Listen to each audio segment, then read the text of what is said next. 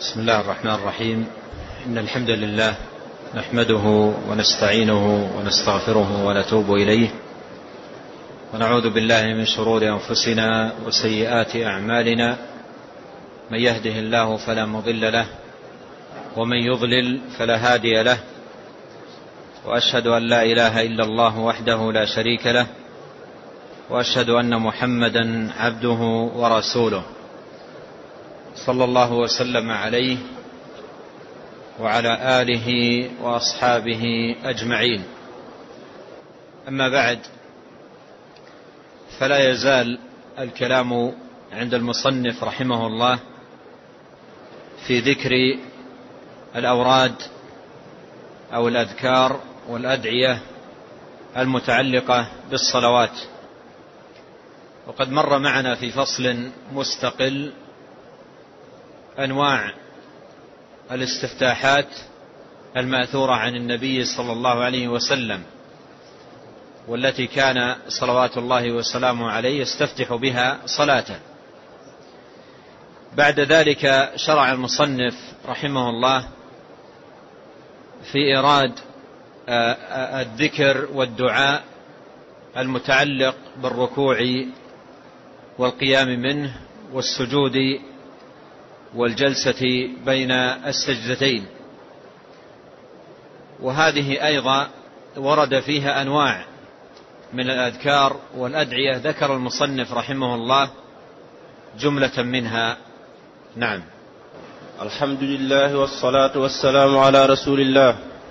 قال المصنف رحمه الله فصل في دعاء الركوع والقيام منه والسجود والجلوس بين السجدتين.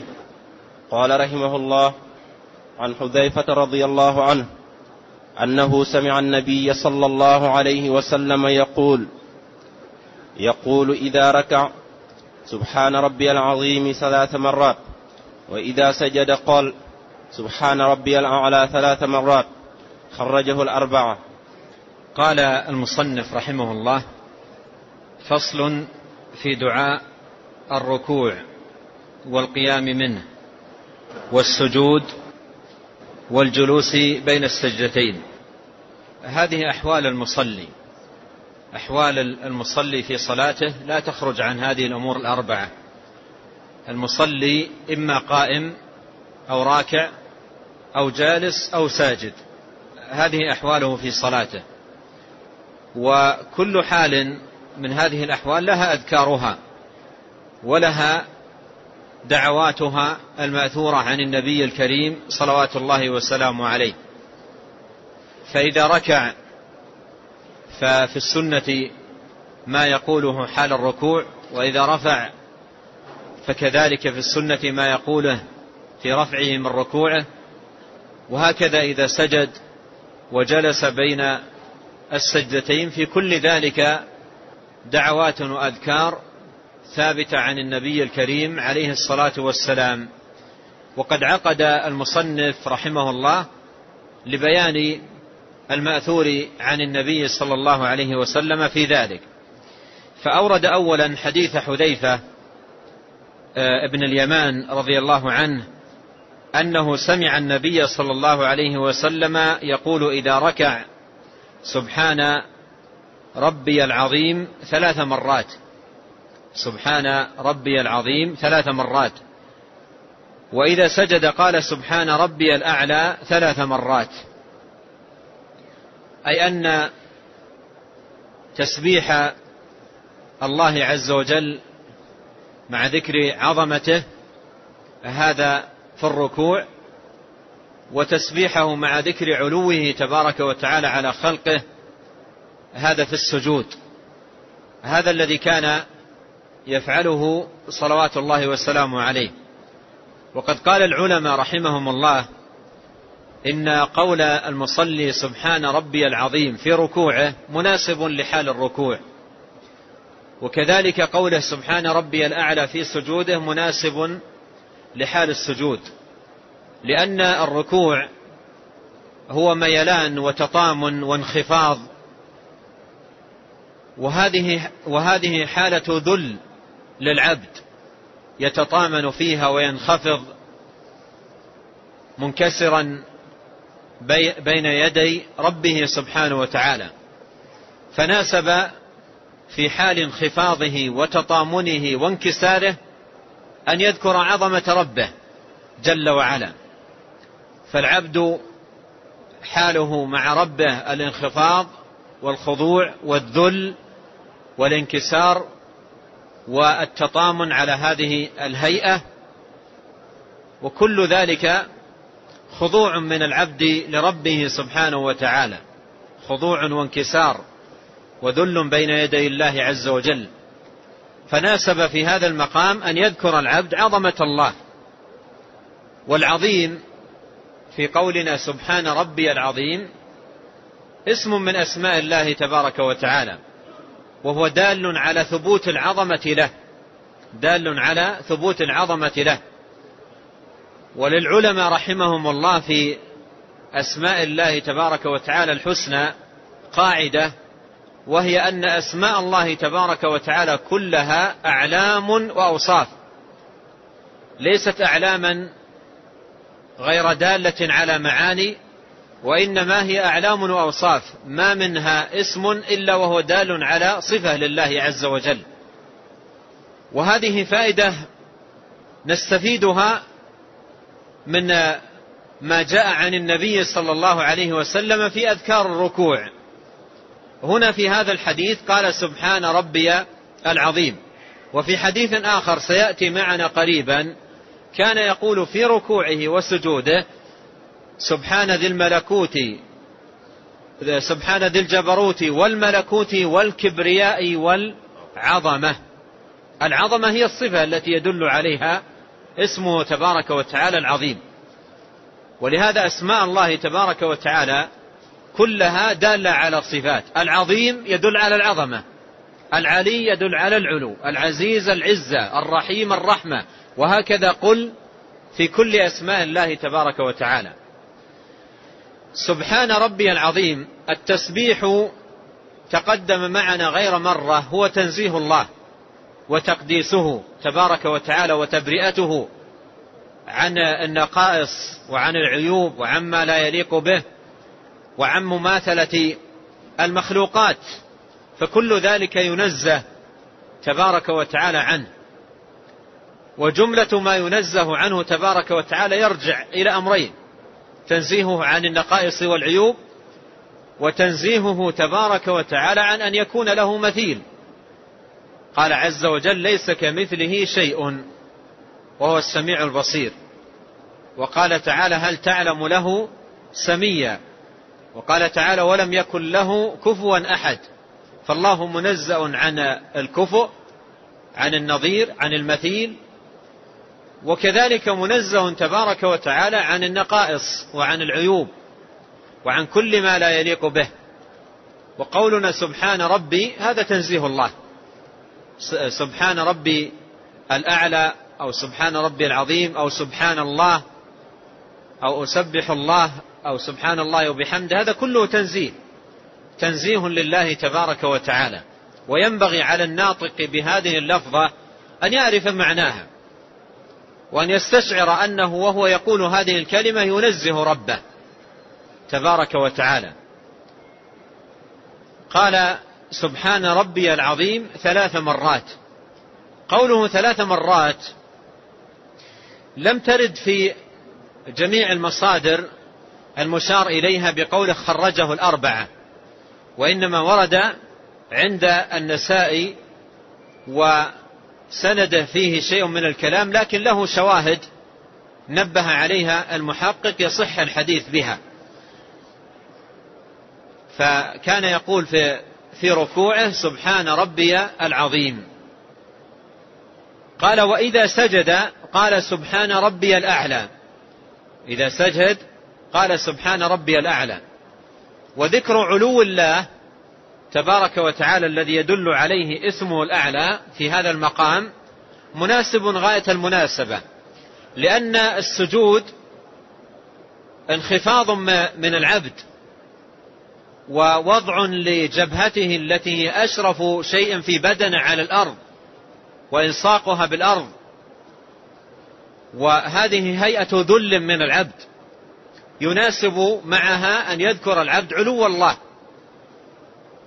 فالعبد ينزل ويهوي إلى أطمن شيء وهو ملامسة جبهته التي أشرف شيء في بدنه ملامسة جبهته ووجهه للأرض فيذكر في هذه الحال علو الله سبحانه وتعالى فيقول سبحان ربي الأعلى سبحان ربي الأعلى. وقوله الأعلى هذا اسم من أسماء الله. وقد جاء في القرآن. سبح اسم ربك الأعلى. فهو اسم من أسماء الله تبارك وتعالى. اسم من أسماء الله تبارك وتعالى. وهو يدل على علو الله تبارك وتعالى بمعاني العلو الثلاثة. فهي كلها ثابتة لله. وكلها يدل عليها هذا الاسم العظيم. علو الذات وعلو القدر وعلو القهر. علو الذات أي أنه سبحانه وتعالى علي على خلقه مستو على عرشه بائن من خلقه فوق عرشه سبحانه وتعالى. كما قال سبحانه ثم استوى على العرش. وكما قال سبحانه الرحمن على العرش استوى. فهو جل وعلا له العلو علو الذات. فهو بذاته فوق مخلوقاته. وله علو القهر لأنه سبحانه وتعالى القاهر فوق عباده. وعلو القدر كما قال عز وجل ما قدر الله حق قدره. وقال ما لكم لا ترجون لله وقارا. فالله عز وجل له العلو بكل معانيه. وفي قولنا سبحان ربي الأعلى نثبت علو الله عز وجل ذاتا وقدرا وقهرا. نثبت علو الله سبحانه وتعالى ذاتا نعتقد أنه سبحانه وتعالى علي على عرشه كما أخبر عن نفسه ونعتقد أنه علي سبحانه وتعالى قدرا وهذا فيه بطلان اتخاذ الأنداد ووصفه تبارك وتعالى بما لا يليق كل ذلك باطل ويتنافى مع قدر الرب سبحانه وتعالى حق قدره. ولهذا قال عن المشركين وما قدر الله حق قدره والأرض جميعا قبضته يوم القيامة والسماوات مطويات بيمينه. سبحانه وتعالى أما يشركون أي أن المشرك الذي يتخذ الند والشريك مع الله ما قدر الله سبحانه وتعالى حق قدره. فإذا قوله سبحان ربي الأعلى الأعلى فيه إثبات العلو لله سبحانه وتعالى ذاتا وقدرا وقهرا. نعم. قال رحمه الله وفي حديث علي رضي الله عنه عن صلاة رسول الله صلى الله عليه وسلم وإذا ركع يقول في ركوعه اللهم لك ركعت وبك آمنت ولك أسلمت خشع لك سمعي وبصري ومخي وعظمي وعصبي. وإذا رفع رأسه من الركوع يقول سمع الله لمن حمده ربنا ولك الحمد ملء السماوات وملء الأرض وملء ما بين بينهما وملء ما شئت من شيء بعد. وإذا سجد يقول في سجوده اللهم لك سجدت وبك آمنت ولك أسلمت. سجد وجهي للذي خلقه وصوره وشق سمعه وبصره. تبارك الله أحسن الخالقين. خرجه مسلم. ثم ذكر رحمه الله حديث علي وفي صحيح مسلم. فيما يقوله صلى الله عليه وسلم إذا ركع وإذا رفع رأسه وإذا سجد. قال إذا ركع يقول في ركوعه اللهم لك ركعت وبك آمنت ولك أسلمت خشع لك سمعي وبصري ومخي وعظمي وعصبي. هذا يقوله في ركوعه صلوات الله وسلامه عليه. قوله لك ركعت. تقديم الجار والمجرور في قوله لك على الفعل والفاعل في قول ركعت يدل على الاختصاص. يدل على الاختصاص. أصل الجملة ركعت لك. ركعت لك. فقدم وهذا التقديم يفيد الاختصاص أي لك وحدك ركوعي. وهذا فيه إعلان الإخلاص. فيه إعلان الإخلاص والبراءة من الشرك. فالعبد يتطامن وينخفض لله تبارك وتعالى ثم يعلن إخلاصه. قائلا لك ركعت. لك ركعت أي وحدك يا الله. لك ركعت أي ركوعي لك وحدك. لا شريك لك في ذلك. فهذا فيه الإخلاص. فيه الإخلاص لله تبارك وتعالى. وهذا, وهذا يبين لنا خطأ بعض الناس عندما يريد أن يسلم على على آخر تجده ينخفض. إذا أراد أن يسلم عليه ينخفض وربما في بعض الحالات ربما يكون شبيها بحالة الراكع. حتى وإن كان مراده بهذا الانخفاض التحية لا, لا العبادة فهذا لا يجوز. وكذلك أيضا السجود. حتى وإن كان على وجه التحية. ولهذا ثبت في الحديث أن النبي عليه الصلاة والسلام قال لو كنت آمرا أحدا أن يسجد لأحد لأمرت المرأة أن تسجد لزوجها أي لعظم حقه عليها. فنهى عن ذلك والمراد بقوله لو كنت آمرا أحدا أن يسجد لأحد مراده التحية ليس العبادة. لا يمكن أن يكون مراده عليه الصلاة والسلام بذلك العبادة. هذا فهم خاطئ. ما يمكن أن, أن يكون مراده سجود العبادة أبدا. ولا يجوز أن يفهم هذا. لأن لو كان لو كان يراد العبادة لكان معنى لكان معنى الكلام ماذا؟ لكان معنى الكلام لو كنت آمرا أحدا أن يعبد أحدا. هذا لا يقوله النبي عليه الصلاة والسلام. فالمراد بالسجود هنا لو كنت آمرا أحدا أن يسجد لأحد المراد سجود التحية. سجود التحية. فهذا منعه عليه الصلاة والسلام ونهى عنه حما لحمى التوحيد وسدا لذريعة الباطل. فنهى عن ذلك ومنع منه صلوات الله وسلامه عليه. فحتى على وجه التحية يعني بعضهم يقول أنا مقصودي التحية. مقصودي بذلك تحية أنا لا أعبده. وإنما مقصودي تحية هذا باطل ما يجوز. فلا ينخفض أحد لأحد. لا ينخفض إذا أراد أن يسلم يسلم وهو على اعتداله. يسلم وهو على اعتداله. أما ما يفعل بعض الناس عندما يريد أن يسلم ينخفض. وبعضهم يكون مع انخفاضه وخاصة عند المبتلين ببعض الطرق الفاسدة. إذا قابل شيخ الطريقة أو المعظم عنده ينخفض, خفو ينخفض عنده انخفاض ذل. وهذا خطير جدا على دينه. ينخفض انخفاض ذل وانكسار ورهبة ورغبة. أمور لا تكون إلا لله رب العالمين. هذا خطير جدا. وليتق الله المسلم وليعرف هذه المعاني العظيمة التي هي حق لله عز وجل. ولهذا هنا يقول اللهم لك ركعت. لك ركعت أي وحدك. هل يناسب مع من يقول اللهم لك ركعت بعد أن يقول هذه الجملة بلحظات يلقى شخصا ثم ينحني له؟ حتى لو كان على وجه التحية ما ينبغي. حتى وإن كان على وجه التحية فهو باطل. وذريعة للشرك بالله عز وجل كما يقع فيه. من يقع فيه ففي بداية الأمر تحية ثم ذل وخضوع وانكسار لا يصلح إلا للرب العظيم عز وجل. قال اللهم لك ركعت وبك آمنت ولك أسلمت بك آمنت ولك أسلمت. هذه الجملة مرت معنا قريبا في استفتاح النبي عليه الصلاة والسلام في صلاة الليل وعرفنا هناك أن في هذا جمعا بين الإيمان والإسلام في سياق واحد.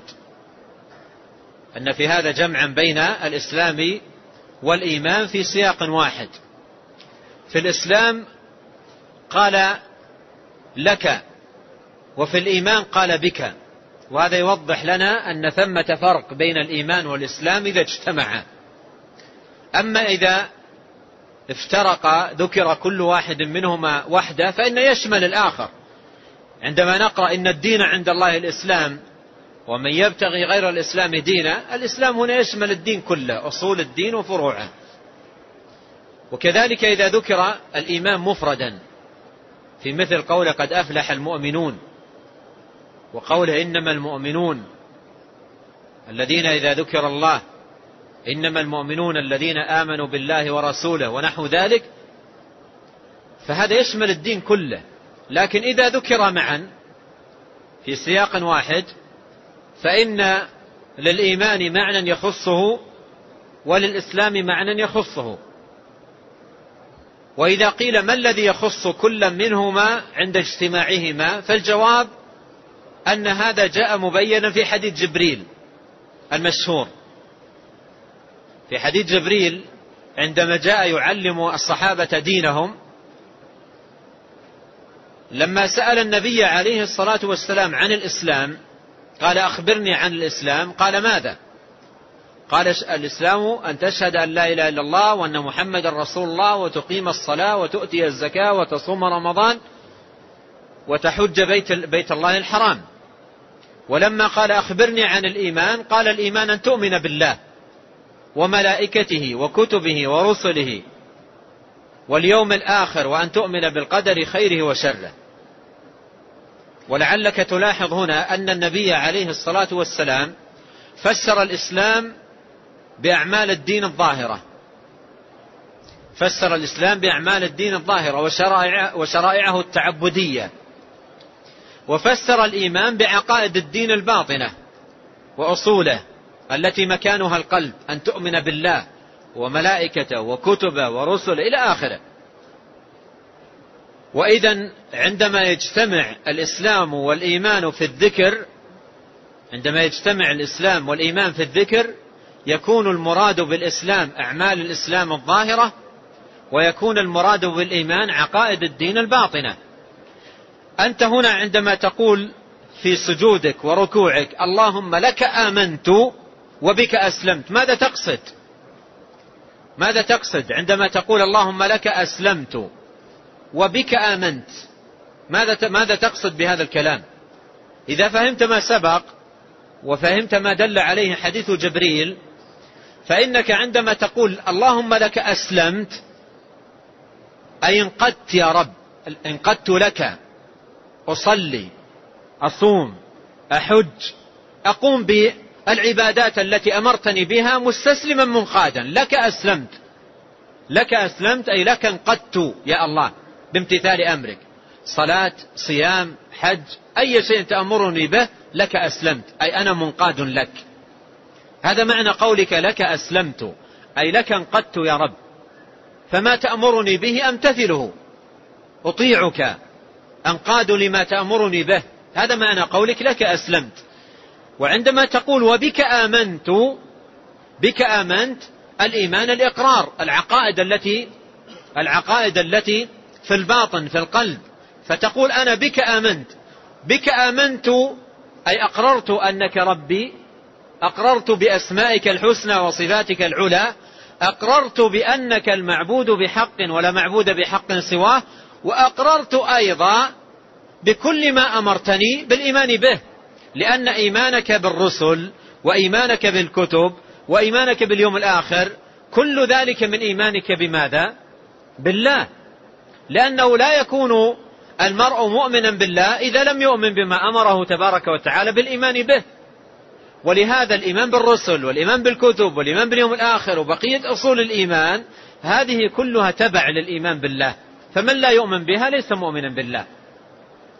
اقرأ ما يوضح لك ذلك في مثل قوله تعالى آمن الرسول بما أنزل إليه من ربه والمؤمنون كل آمن بالله وملائكته وكتبه ورسله. لاحظ كل آمن بالله.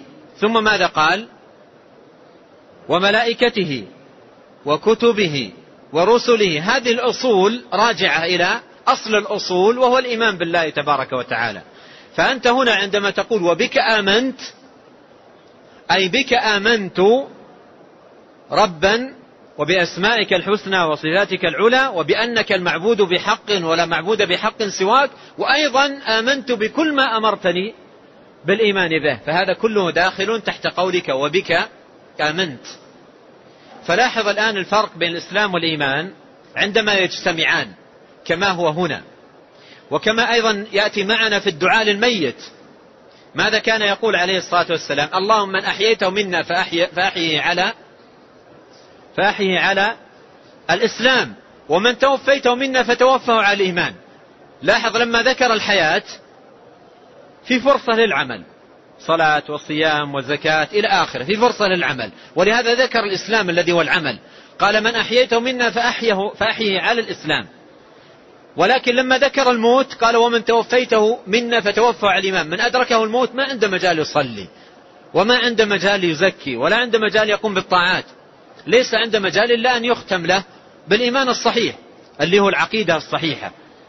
فلهذا في, في ذكر الحياة قال أحيه على الإسلام. وفي الممات قال توفى على الإيمان. وهذا مما يوضح لنا الفرق بين الإسلام والإيمان عندما يجتمعان في الذكر. أما إذا ذكر كل واحد منهما مفردا فإنه يشمل الآخر. مثل ما مثلت قبل قليل. إن الدين عند الله الإسلام. هل المراد بقوله إن الدين عند الله الإسلام شعائر الإسلام الظاهرة فقط؟ المراد به الدين كله بعقائده وشرائعه وكذلك قوله قد أفلح المؤمنون. ليس المراد بالإيمان هنا العقائد بل المراد بالإيمان العقائد والأعمال. ولهذا قال قد أفلح المؤمنون الذين هم في صلاتهم. الصلاة عمل وهي جزء من الإيمان. كما قال الله في آية أخرى وما كان الله ليضيع إيمانكم أي صلاتكم. الصلاة إيمان والزكاة إيمان والحج إيمان. كل هذه داخلة في مسمى الإيمان. قال اللهم لك ركعت وبك آمنت ولك أسلمت. خشع. ماذا؟ ما, ما الذي خشع؟ قال خشع لك سمعي وبصري ومخي وعظمي وعصبي. وهذا وهذا الذكر المفصل لهذه الأجزاء من, من الإنسان السمع والبصر والمخ والعظم والعصب فيه استشعار خضوع الإنسان بكل أجزائه لله تبارك وتعالى.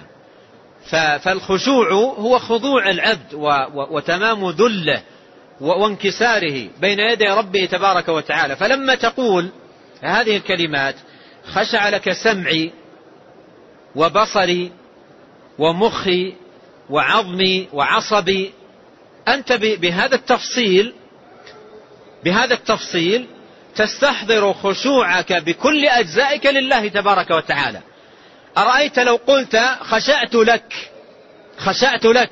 أليست هذه الجملة تشمل مخك وعصبك وسمعك وبصرك أو لا تشملها؟ تشملها. لكن ذكر هذه على وجه التفصيل في هذا المقام في غاية المناسبة حتى تستحضر خشوعك التام لله تبارك وتعالى. في بدنك كله في سمعك في, في بصرك في, في مخك في عظمك في عصبك. وهذا أيضا في فائدة في فائدة مهمة أنك تجاهد نفسك على حفظ هذه الأشياء من الغفلة ومن الخروج عن الخشوع. عندما تقول في ركوعك خشع لك عظمي على سبيل المثال وعصبي ثم تبدأ تحرك يدك حركات لا تحتاج إليها وليست ضرورية هل هذا يتناسب مع قولك خشع عظمي وخشع عصبي؟ أو مثلا تجيل بصرك تجيل بصرك أو مثلا وأنت, وأنت راكع تنصت إلى صوت بعيد ليس من إنصاتك في صلاتك. شخص يتحدث فتصغي ماذا يقول؟ وهذا يحصل. يصغي إليه ماذا ومن فضول. يعني فضول فضول السمع أحيانا يقع منا في الصلاة. فضول السمع الذي ولا حاجة لنا به شخص يتحدث مع آخر وأنت راكع ربما فضولك يدعوك إلى أن تستمع إليه وتنشغل باستماعك إليه وأنت راكع يحصل هذا.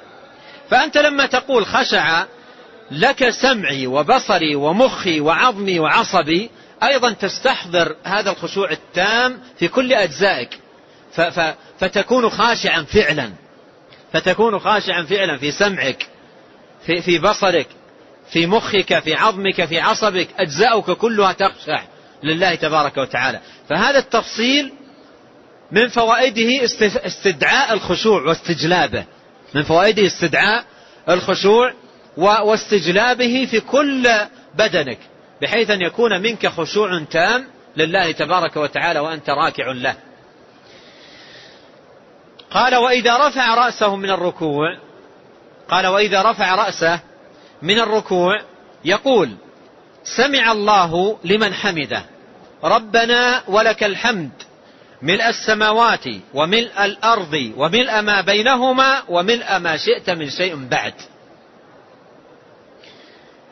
سمع الله السمع المراد به هنا ليس مطلق السمع وإنما, وإنما المراد به سمع الإجابة. إن ربي لسميع الدعاء أي مجيب الدعاء. فالسمع هنا المراد به سمع الإجابة. فقولك سمع الله لمن حمده هي بمعنى استجاب يعني السمع الذي يقتضي الإجابة. سمع الله لمن حمده سمع مضمن معنى الاستجابة لعبده. ليس مطلق السمع. الله عز وجل يسمع جميع الأصوات يسمع من حمده ويسمع أيضا من يقول في حقه النقائص. يسمع جميع الأصوات سبحانه وتعالى. وأنت مرادك عندما تقول سمع الله لمن حمده مرادك بالسمع هنا السمع الذي هو لأهل الإيمان لأهل الطاعة لأهل الدعاء والتوجه إلى الله سبحانه وتعالى. سمع الله لهم أي أنه سمع سمعا يجيبهم فيه على مطلوبهم وسؤالهم. وهو المعنى المراد بقوله إن ربي في دعاء إبراهيم. إن ربي لسميع الدعاء أي مجيبه. سميع الدعاء أي الذي يجيب الدعاء. يسمع ويجيب من يدعوه. ليس المراد أن سميع الدعاء فقط يسمع. جميع الأصوات يسمعها رب العالمين. لكن هنا المراد بسميع الدعاء أن يسمع ويجيب. مثل ما قال عز وجل وإذا سألك عبادي عني فإني قريب أجيب. دعوة الداعي إذا دعان. وقال ربكم ادعوني أستجب لكم. قال سمع الله لمن حمده. لمن حمده من حمده هو عبده المؤمن. وأنت من هؤلاء عندما تركع عندما ترفع من ركوعك وتحمد الله عز وجل أنت ممن يحمدون الله. وأنت ممن يرجى لهم هذا السمع سمع الإجابة بأن يجيبك رب العالمين ويثيبك سبحانه وتعالى. قال سمع الله لمن حمده. ربنا ولك الحمد. لما ذكر سماعه تبارك وتعالى سمع الإجابة لمن يحمده أعلن الحمد. قال ربنا ولك الحمد. ثم ذكر هذا الحمد العظيم. الذي لا حصر له ولا عد. قال ربنا ولك الحمد. لاحظ الواو التي هنا انتبه لها. ابن القيم يؤكد على هذه الواو. لأن في بعض مصادر الحديث جاء ربنا لك الحمد. في بعض مصادر الحديث جاء ربنا لك الحمد. وفي بعضها وهو ثابت في الصحيح بالواو ربنا ولك الحمد. يقول ابن القيم رحمه الله هذه الواو مهمة إثباتها مهم. لماذا؟ لأنك إذا قلت ربنا لك الحمد أصبح الكلام جملة واحدة. أصبح الكلام جملة واحدة. أما إذا قلت ربنا ولك الحمد أصبح الكلام جملتين كل جملة منها فيها عبودية لله سبحانه وتعالى. الجملة الأولى ربنا أي أنت, أنت ربنا الذي أوجدتنا وخلقتنا تدبر أمورنا نقر لك بذلك. ثم تقول مرة في الجملة الثانية ولك الحمد أي والحمد لك. ففي هذا معنى قولنا في التلبية لبيك لا شريك لك لبيك إن الحمد والنعمة لك والملك.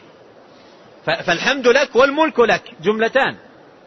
فهنا الربوبية لك والحمد لك جملتان. فيقول ابن القيم الأولى أن تثبت الواو. الأولى أن تثبت الواو لأن أكمل في المعنى. وزيادة يقولون زيادة المبنى زيادة الإيش؟ زيادة المعنى. فهذا يعطي زيادة في المعنى فأكمل إثباتها. ولو لم تثبتها الأمر صحيح ثابت. لكن الأكمل أن تثبت الواو. الأكمل أن تثبت الواو فتقول ربنا ولك الحمد. ربنا أي أنت ربنا نقر لك بالربوبية. أنت الرب أنت المالك أنت المتصرف أنت المدبر لشؤوننا. ولك الحمد. ولك الحمد. أي والحمد لك وحدك. ملكا واستحقاقا. حمدا لك على أسمائك الحسنى وصفاتك وكمالك وعظمتك. وحمدا لك أيضا على نعمك ومننك التي لا تعد ولا تحصى ومن أعظم نعمه أن من عليك بالصلاة. فجعلك من هؤلاء المصلين الراكعين الساجدين. هذه من أكبر النعم. فأنت تحمد الله سبحانه وتعالى على أسماء الحسنى وصفات العلى. وتحمد الله تبارك وتعالى على نعمه ومننه التي لا تعد ولا تحصى. قال ربنا ولك الحمد. ملء السماوات أي حمدا ملء السماوات. وهذا بيان لحال الحمد وصفته. قال ملء السماوات وملء الأرض يعني حمدا يملأ السماوات كثرة ويملأ الأرض ويملأ ما بينهما. حمدا يملأ السماوات وحمدا يملأ الأرض وحمدا يملأ المسافات بين السماوات والأرض. وهذا حمد يملأ الأشياء الموجودة الكائنة. أضاف إليه حمدا يملأ الأشياء التي لم تكن. وملء ما شئت من شيء بعد. فهو, فهو حمد يملأ الموجود ويملأ ما لم يوجد. كثرة. فهو حمد لا حصر له. حمد لا حصر له ولا حد ولا عد. وكم هو جميل بك وأنت تحمد الله سبحانه وتعالى؟ أن تستحضر هذه السعة في الحمد. أن تستحضر هذه السعة في, في, في الحمد. نحمد الله تبارك وتعالى حمدا ملء السماوات وملء الأرض وملء ما بينهما هذا يملأ الأشياء الموجودة. وملء ما شئت من شيء بعد. وملء ما شئت من شيء بعد. فهذا حمد عظيم. حمد عظيم. وفيه إخبار عن العبد بكثرة الحمد. حمد الله سبحانه وتعالى. في, في, في الدعاء الآخر ربما يأتي في الرفع, في الرفع والركوع قال حمدا كثيرا. حمدا كثيرا. لكن هنا فصل في هذا الحمد الكثير. قال حمدا قال ملء السماوات وملء الأرض وملء ما بينهما وملء ما شئت من شيء بعد أي أنت يا الله. قال وإذا سجد يقول في سجوده اللهم لك سجدت. اللهم لك سجدت. وهذه الجملة كما سلف تفيد ماذا؟ تفيد الاختصاص. تفيد الاختصاص. وأن, وأن, وأن السجود خاص بالله ولا يصح لغيره. لا يصح لغيره ولا يجوز أن, أن يصرف لغيره سبحانه وتعالى. ولهذا يعلن العبد إخلاصه بقوله لك سجدت. يعلن إخلاصه بقوله لك سجدت أي لك وحدك يا الله. بعض بعض المنتسبين إلى الإسلام بعض المنتسبين للإسلام إذا ذهب عند القباب وعند القبور وعند الأضرحة المزعومة بعضهم يسجد. بعضهم والله يضع جبهته على الأرض أمام القبر ساجدا. هل هذا يستقيم مع قول المسلم لك سجدت؟ هل هذا يستقيم مع قوله قل إن صلاتي ونسكي ومحياي وماتي لله رب العالمين؟ أين عقول هؤلاء؟ أين عقول هؤلاء؟ عندما يخر أحدهم ساجد أو راكع أمام قبر من يعظمه. ويظن أن هذا من تمام التعظيم وهذا في الحقيقة من تمام السفول. لأن, هذا لأن في هذا صرف حق الله تبارك وتعالى لغيره. فيذهب إلى إلى إلى القبر ثم يخر ساجد ويخشع ويبكي خشوعا وبكاء ربما إذا صلى لا يكون منه في صلاته. أين عقول هؤلاء؟ أين دينهم؟ أين إسلامهم؟ أين توحيدهم؟ أين قولهم لا إله إلا الله لا معبود بحق سواه؟ فقولك اللهم لك سجد اللهم لك سجد هذا فيه إعلان إخلاصك لله تبارك وتعالى في سجودك أنك تسجد لله وحده. سجودك لله وحده ليس لله شريك في السجود. قال اللهم لك سجدت وبك آمنت ولك أسلمت تقدم معناه قال سجد وجهي. لاحظ الإخلاص أيضا. لمن السجود؟ السجود لمن؟ قال سجد وجهي. للذي خلقه للذي خلقه لمن السجود؟ قال خلق سجد وجهي للذي خلقه هذا يقول رسولنا عليه الصلاة والسلام. سجد وجهي للذي خلقه وصوره وشق سمعه وبصره. تبارك الله أحسن الخالقين. أرأيتم ذاك البعيد الذي يأتي ويضع يضع رأسه وجبهته عند القبر ساجدا. ماذا يقول في سجوده؟ المسلم هنا يقول في سجوده سجد وجهي للذي خلقه وصوره وشق سمعه وبصره. هذا الذي سجد عند القبر ماذا يقول؟ ماذا يقول؟ عندما سجد. لمن سجد له أو ركع لمن ركع له. ماذا يقول؟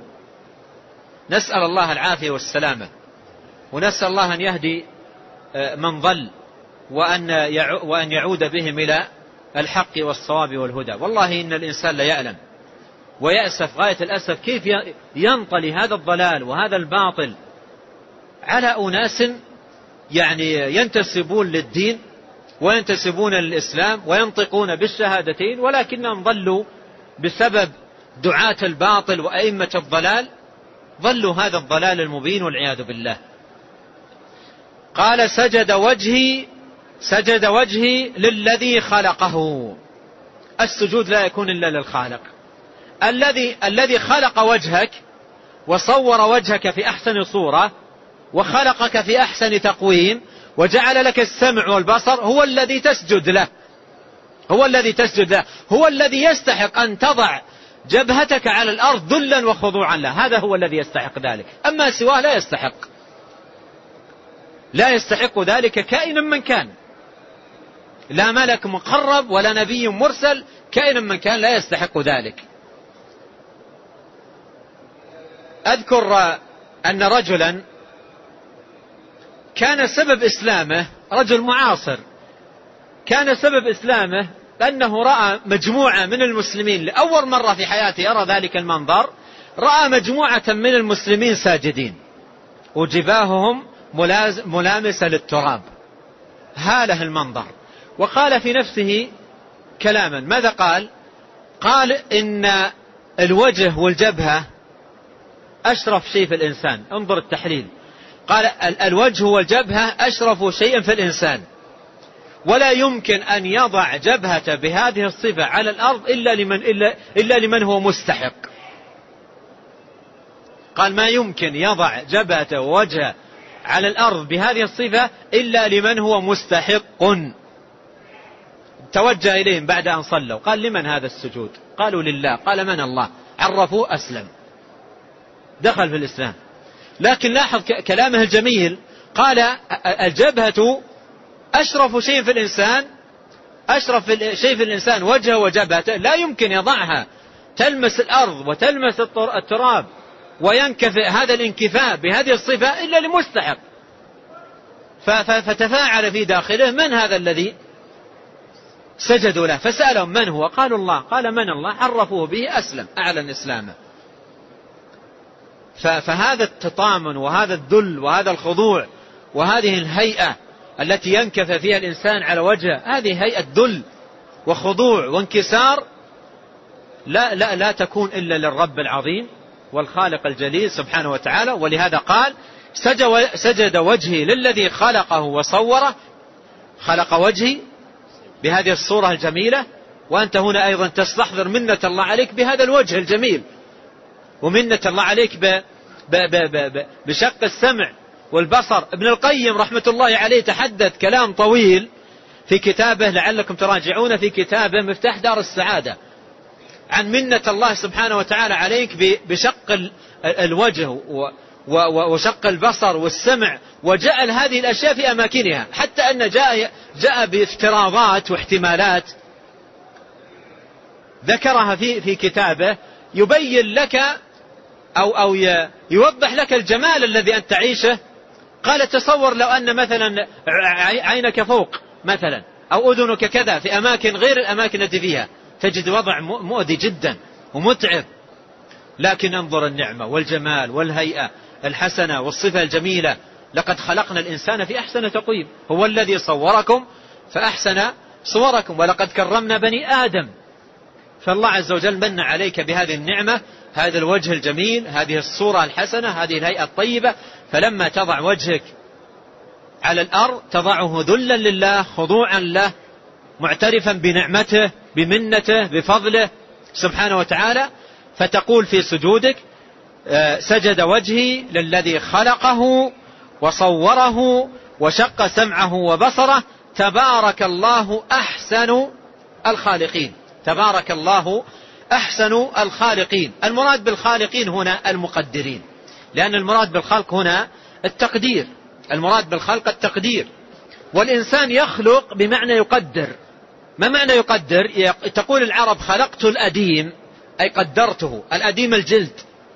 لما يأتون بالجلد خاما لم يصنع على هيئة قربة أو على هيئة أو, على هيئة أخرى ويقصه حتى يكون على هيئة قربة.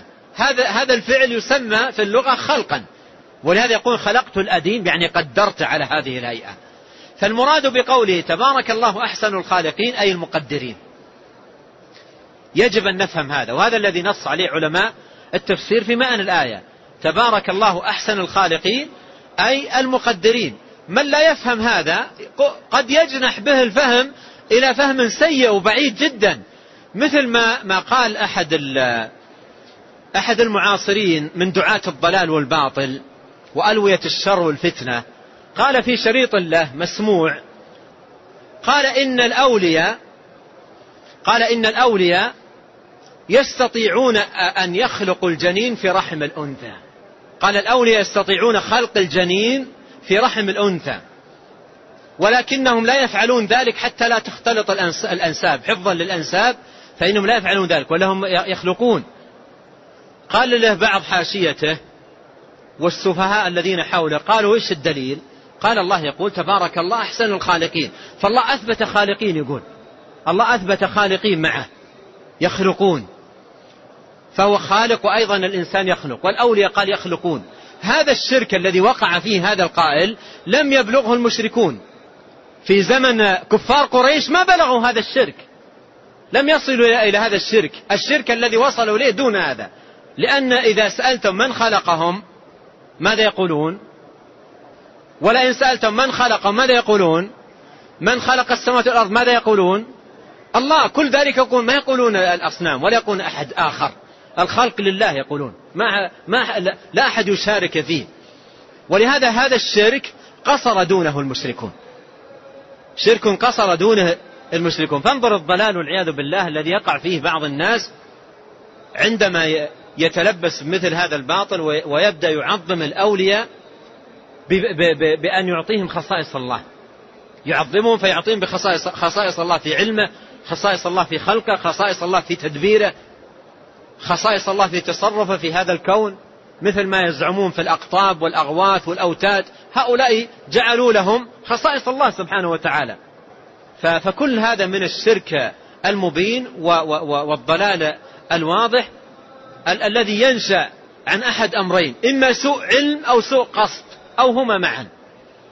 إما سوء علم أو سوء قصد أو هما معا. ولهذا إذا قلت تبارك الله أحسن الخالقين أي أحسن المقدرين. فالله جل وعلا قدر الإنسان على هذه الهيئة الجميلة والصفة الحسنة فتبارك الله سبحانه وتعالى. نعم. قال رحمه الله تعالى وقالت عائشة رضي الله عنها كان رسول الله صلى الله عليه وسلم يكثر أن يقول في ركوعه وسجوده سبحانك اللهم ربنا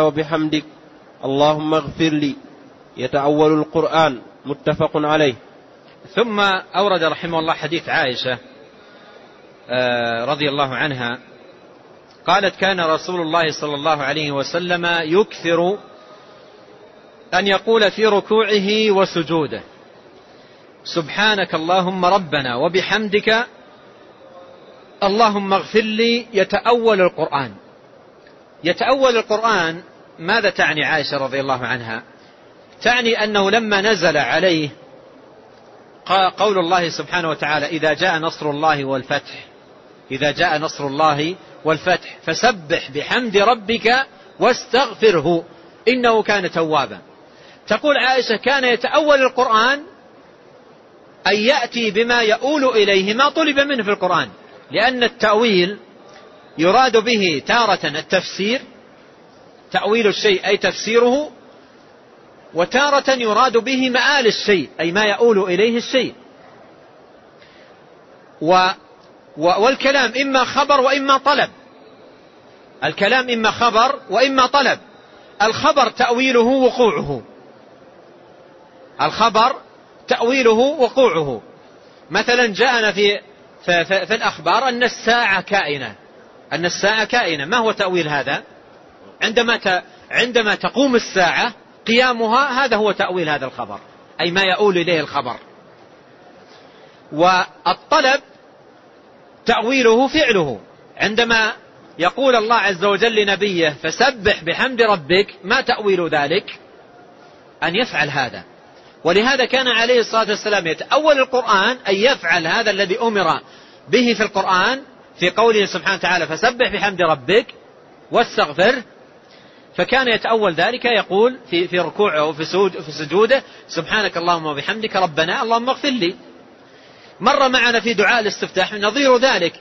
كان يقول عليه في استفتاحه عليه الصلاة والسلام في استفتاحه إن صلاتي ونسكي ومحياي ومماتي لله رب العالمين. أكملوا وبذلك أمرت. ها؟ إن صلاتي ونسكي ومحياي ومماتي لله رب العالمين لا شريك له وبذلك أمرت. أين أمر؟ في القرآن. قل إن صلاتي ونسكي ومحياي ومماتي لله رب العالمين. إذا هذا تأويل القرآن. هذا تأويل القرآن تأويل له أي أن يأتي بمآل الطلب.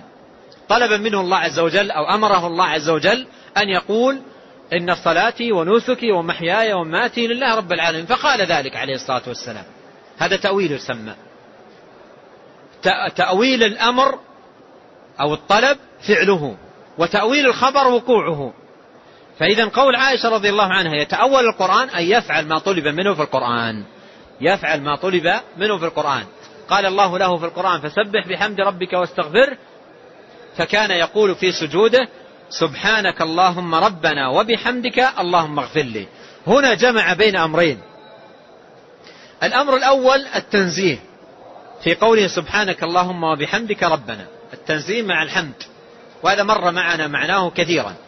والأمر الثاني الاستغفار في قوله اللهم اغفر لي فكان يقول ذلك في ركوعه وسجوده. وأريد أن تلاحظوا معي ملاحظة أن الاستغفار مر معنا في أدعية الاستفتاح. أليس كذلك؟ مر معنا في أدعية الاستفتاح. والآن مر معنا في الركوع. اللهم اغفر لي. وكذلك في السجود. وفي الجلسة بين السجدتين ثابت. وأيضا في التشهد في تمامه ثابت. وبعد السلام الاستغفار ثلاثا.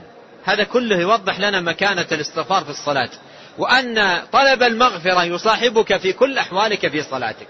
هذه فائدة يا إخوان مهمة. الاستغفار عبادة عظيمة جدا ومن عظمة الاستغفار ومكانته أنه يصاحبك في كل الصلاة. من أول ما تستفتح تركع تسجد ترفع من, رك... من سجودك في كل أحواله حتى بعد ما تسلم تستغفر. فهذا يبين لنا مكانة الاستغفار وعظم شأنه وأن, وأن من عظمة الاستغفار ومكانته أنه يصاحب المسلم في صلاته كلها. نعم. قال نعم قال رحمه الله تريد قوله تعالى فسبح بحمد ربك واستغفره إنه كان توابا. تريد يعني بقولها يتأول القرآن. ومعنى يتأول القرآن أن يأتي مآل ما طلب منه في القرآن. وعرفنا أن الذي في القرآن إما أخبار إما طلب أو خبر. مآل الخبر وقوعه ومآل الطلب فعله. قال رحمه الله وقالت عائشة رضي الله عنها كان رسول الله صلى الله عليه وسلم يقول في ركوعه وسجوده سبوح قدوس رب الملائكة والروح. خرجه مسلم. ثم أورد هذا الحديث حديث عائشة أن النبي عليه الصلاة والسلام كان يقول في ركوعه وسجوده. وهنا انتبه لقوله في ركوعه وسجوده حتى لا تنسى هذا. في ركوعه وسجوده. أيضا حديث عائشة الذي قبله أيضا في الركوع والسجود. فهذا من الأشياء المشتركة بين الركوع والسجود. يعني يقال في الركوع ويقال أيضا في السجود. والذي قبله كذلك. تقول في ركوعك وتقول أيضا في سجودك. وسيأتي أيضا ما, ما يقال في الركوع والسجود معا. قال قالت كان صلى الله عليه وسلم يقول في ركوعه وسجوده سبوح قدوس رب الملائكة والروح. قوله سبوح قدوس هذان اسمان لله. سبوح من من اسم دال على التسبيح وهو التنزيه وكذلك قدوس اسم دال على التقديس وهو التنزيه فاسمه تبارك وتعالى سبوح. يدل على تنزيهه تبارك وتعالى وكذلك قدوس هذا اسم يدل على التنزيه ومثلهما السلام أيضا هذا اسم دال على التنزيه. وهنا أشير إلى فائدة ذكرها العلماء رحمهم الله تتعلق بأسماء الله تبارك وتعالى الحسنى أن أسماء الله الحسنى باعتبار دلالاتها تنقسم إلى أقسام. أسماء الله الحسنى باعتبار دلالاتها تنقسم إلى أقسام. قسم منها يدل على صفات ذاتية مثل السميع يدل على صفة السمع البصير يدل على صفة البصر العليم يدل على على صفة العلم وهكذا. وهناك أسماء تدل على صفات فعلية. أسماء تدل على صفات فعلية أي من صفات الأفعال له تبارك وتعالى. مثل الغفور يدل على المغفرة الرزاق يدل على الرزق المحسن يدل على الإحسان وهذه كلها صفات فعلية. النوع الثالث أسماء تدل على التنزيه وهذا الذي جاء معنا هنا في الركوع أسماء تدل على التنزيه سبوح قدوس. هذه أسماء تدل على التنزيه. أيضا في في في سورة الحشر قال هو الله الذي لا إله إلا هو الملك القدوس السلام. الملك القدوس السلام. قوله القدوس السلام هذان اسمان دالان على التنزيه. القدوس ذكر في آية الحشر وذكر هنا في دعاء الركوع. سبوح قدوس. فالشاهد أن هذه الأسماء الثلاثة سبوح قدوس آه السلام هذه كلها أسماء دالة على تنزيه الله. تنزيه الله عن ماذا؟ قلنا قبل قليل أن التنزيه يشمل أمرين. تنزيه الله تبارك وتعالى عن النقائص والعيوب والأمر الثاني تنزيه الله تبارك وتعالى عن أن يماثله أحدا. أحد من خلقه أو أن يماثله أحد من خلقه. فالتمثيل بنوعيه باطل. تمثيل المخلوق بالخالق أو تمثيل الخالق بالمخلوق. فهذا كله رب العالمين جل وعلا منزه عنه. إذا قلنا يا أخوان سبوح قدوس ما نقول كلام لا ندري ما هو. إذا قلنا سبوح قدوس ونحن راكعون لا نقول كلام ما ندري ما هو. لا نقول كلام نستشعر معناه.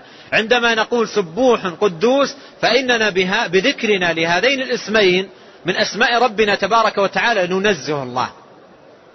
ننزه الله حال تطامننا مثل قولنا فيما سبق سبحان ربي الأعلى. سبحان ربي العظيم. سبحانك اللهم وبحمدك ربنا. ننزه الله. أيضا هنا نحن نقول سبوح قدوس أيضا ننزه الله. فهذان اسمان لله تبارك وتعالى دالان على ماذا؟ على التنزيه. أيضا فائدة عظيمة يدل عليها هذا السياق أشرت إليها قريبا. وهي ماذا؟ وهي أن أسماء الله تبارك وتعالى أعلام وأوصاف. إذا جمعت بين قولك هنا سبوح وقولك في الذي قبله سبحانك اللهم وبحمدك ماذا تستفيد؟ ماذا تستفيد في فهم الأسماء؟ الفائدة واضحة. ماذا تستفيد في فهم؟ هنا تقول سبوح وهناك تقول سبحانك. إذا تستفيد من ذلك أن قولك سبوح هو ماذا؟ تنزيه الله سبحانه وتعالى. مثل هذا ما قلته قبل قليل سبحان ربي العظيم وأيضا في ركوعك تقول والعظمة فالعظيم الذي له العظمة والسبوح هو المنزه الذي له التسبيح له التنزيه سبحانه وتعالى. هذا يجب أن يفهم. وهذا هو فقه أسماء الله تبارك وتعالى ال- ال- الذي ينبغي أن يكون عليه العبد في دعاء الله بها. قال الله عز وجل ولله الأسماء الحسنى فادعوه بها. هذا هو هذا هو المراد. أن تفهم الاسم وأن تفهم ما يدل عليه وأن تحقق العبودية التي تطلب منك. تجاه كل اسم من أسماء الله تبارك وتعالى. سبوح قدوس. قدوس أي الذي له التقديس وهو التنزيه. سبوح قدوس رب الملائكة والروح. وهذا فيه الإقرار بربوبيته سبحانه وتعالى للملائكة وهو هذا الخلق العظيم وهذا فيه إيمانك بالملائكة من جهة وإيمانك بأن الملائكة ماذا؟ عبيد لله. عباد مكرمون. الملائكة عباد مكرمون طوع أمر الله سبحانه وتعالى. لا يعصون الله ما أمرهم ويفعلون ما يأمر ربهم سبحانه وتعالى. فهم طوع أمره وطوع تدبيره. و و ويفعلون ما يأمرهم به تبارك وتعالى ومنقادون له. قال رب الملائكة الملائكة خلق لله عز وجل خلقهم الله من نور. وهم رسل له يقومون بتنفيذ أوامره سبحانه وتعالى.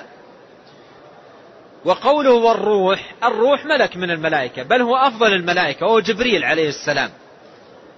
وخصه بالذكر هنا تشريفا له. مع أن داخل في عموم قولنا رب الملائكة لكن خصه بالذكر تشريفا له وتالية لقدره. ومنه قوله تعالى تنزل الملائكة والروح فيها أي جبريل. فجبريل هو المراد بقوله الروح. وهنا يأتي السؤال لماذا سمي جبريل روحا؟ مر جوابه قريبا. لماذا سمي جبريل روحا؟ قالوا لأنه ينزل بالوحي الذي به حياة القلوب. كما أن الوحي نفسه سمي روحا لأن به حياة القلوب. في مثل قوله تعالى وكذلك أوحينا إليك روحا من أمرنا. سمى الوحي روحا وسمى من ينزل بالوحي وهو جبريل روحا لأن بالوحي حياة القلوب. قال رب الملائكة والروح. نعم. قال رحمه الله وخرج أيضا عن ابن عباس رضي الله عنهما قال قال رسول الله صلى الله عليه وسلم ألا وإني نهيت أن أقرأ القرآن راكعا أو ساجدا فأما الركوع فعظموا فيه الرب وأما السجود فاجتهدوا في الدعاء فقمن أن يستجاب لكم. لعلنا نكتفي بهذا القدر ويأتي إن شاء الله الكلام على حديث ابن عباس في الدرس القادم بحول الله وقوته.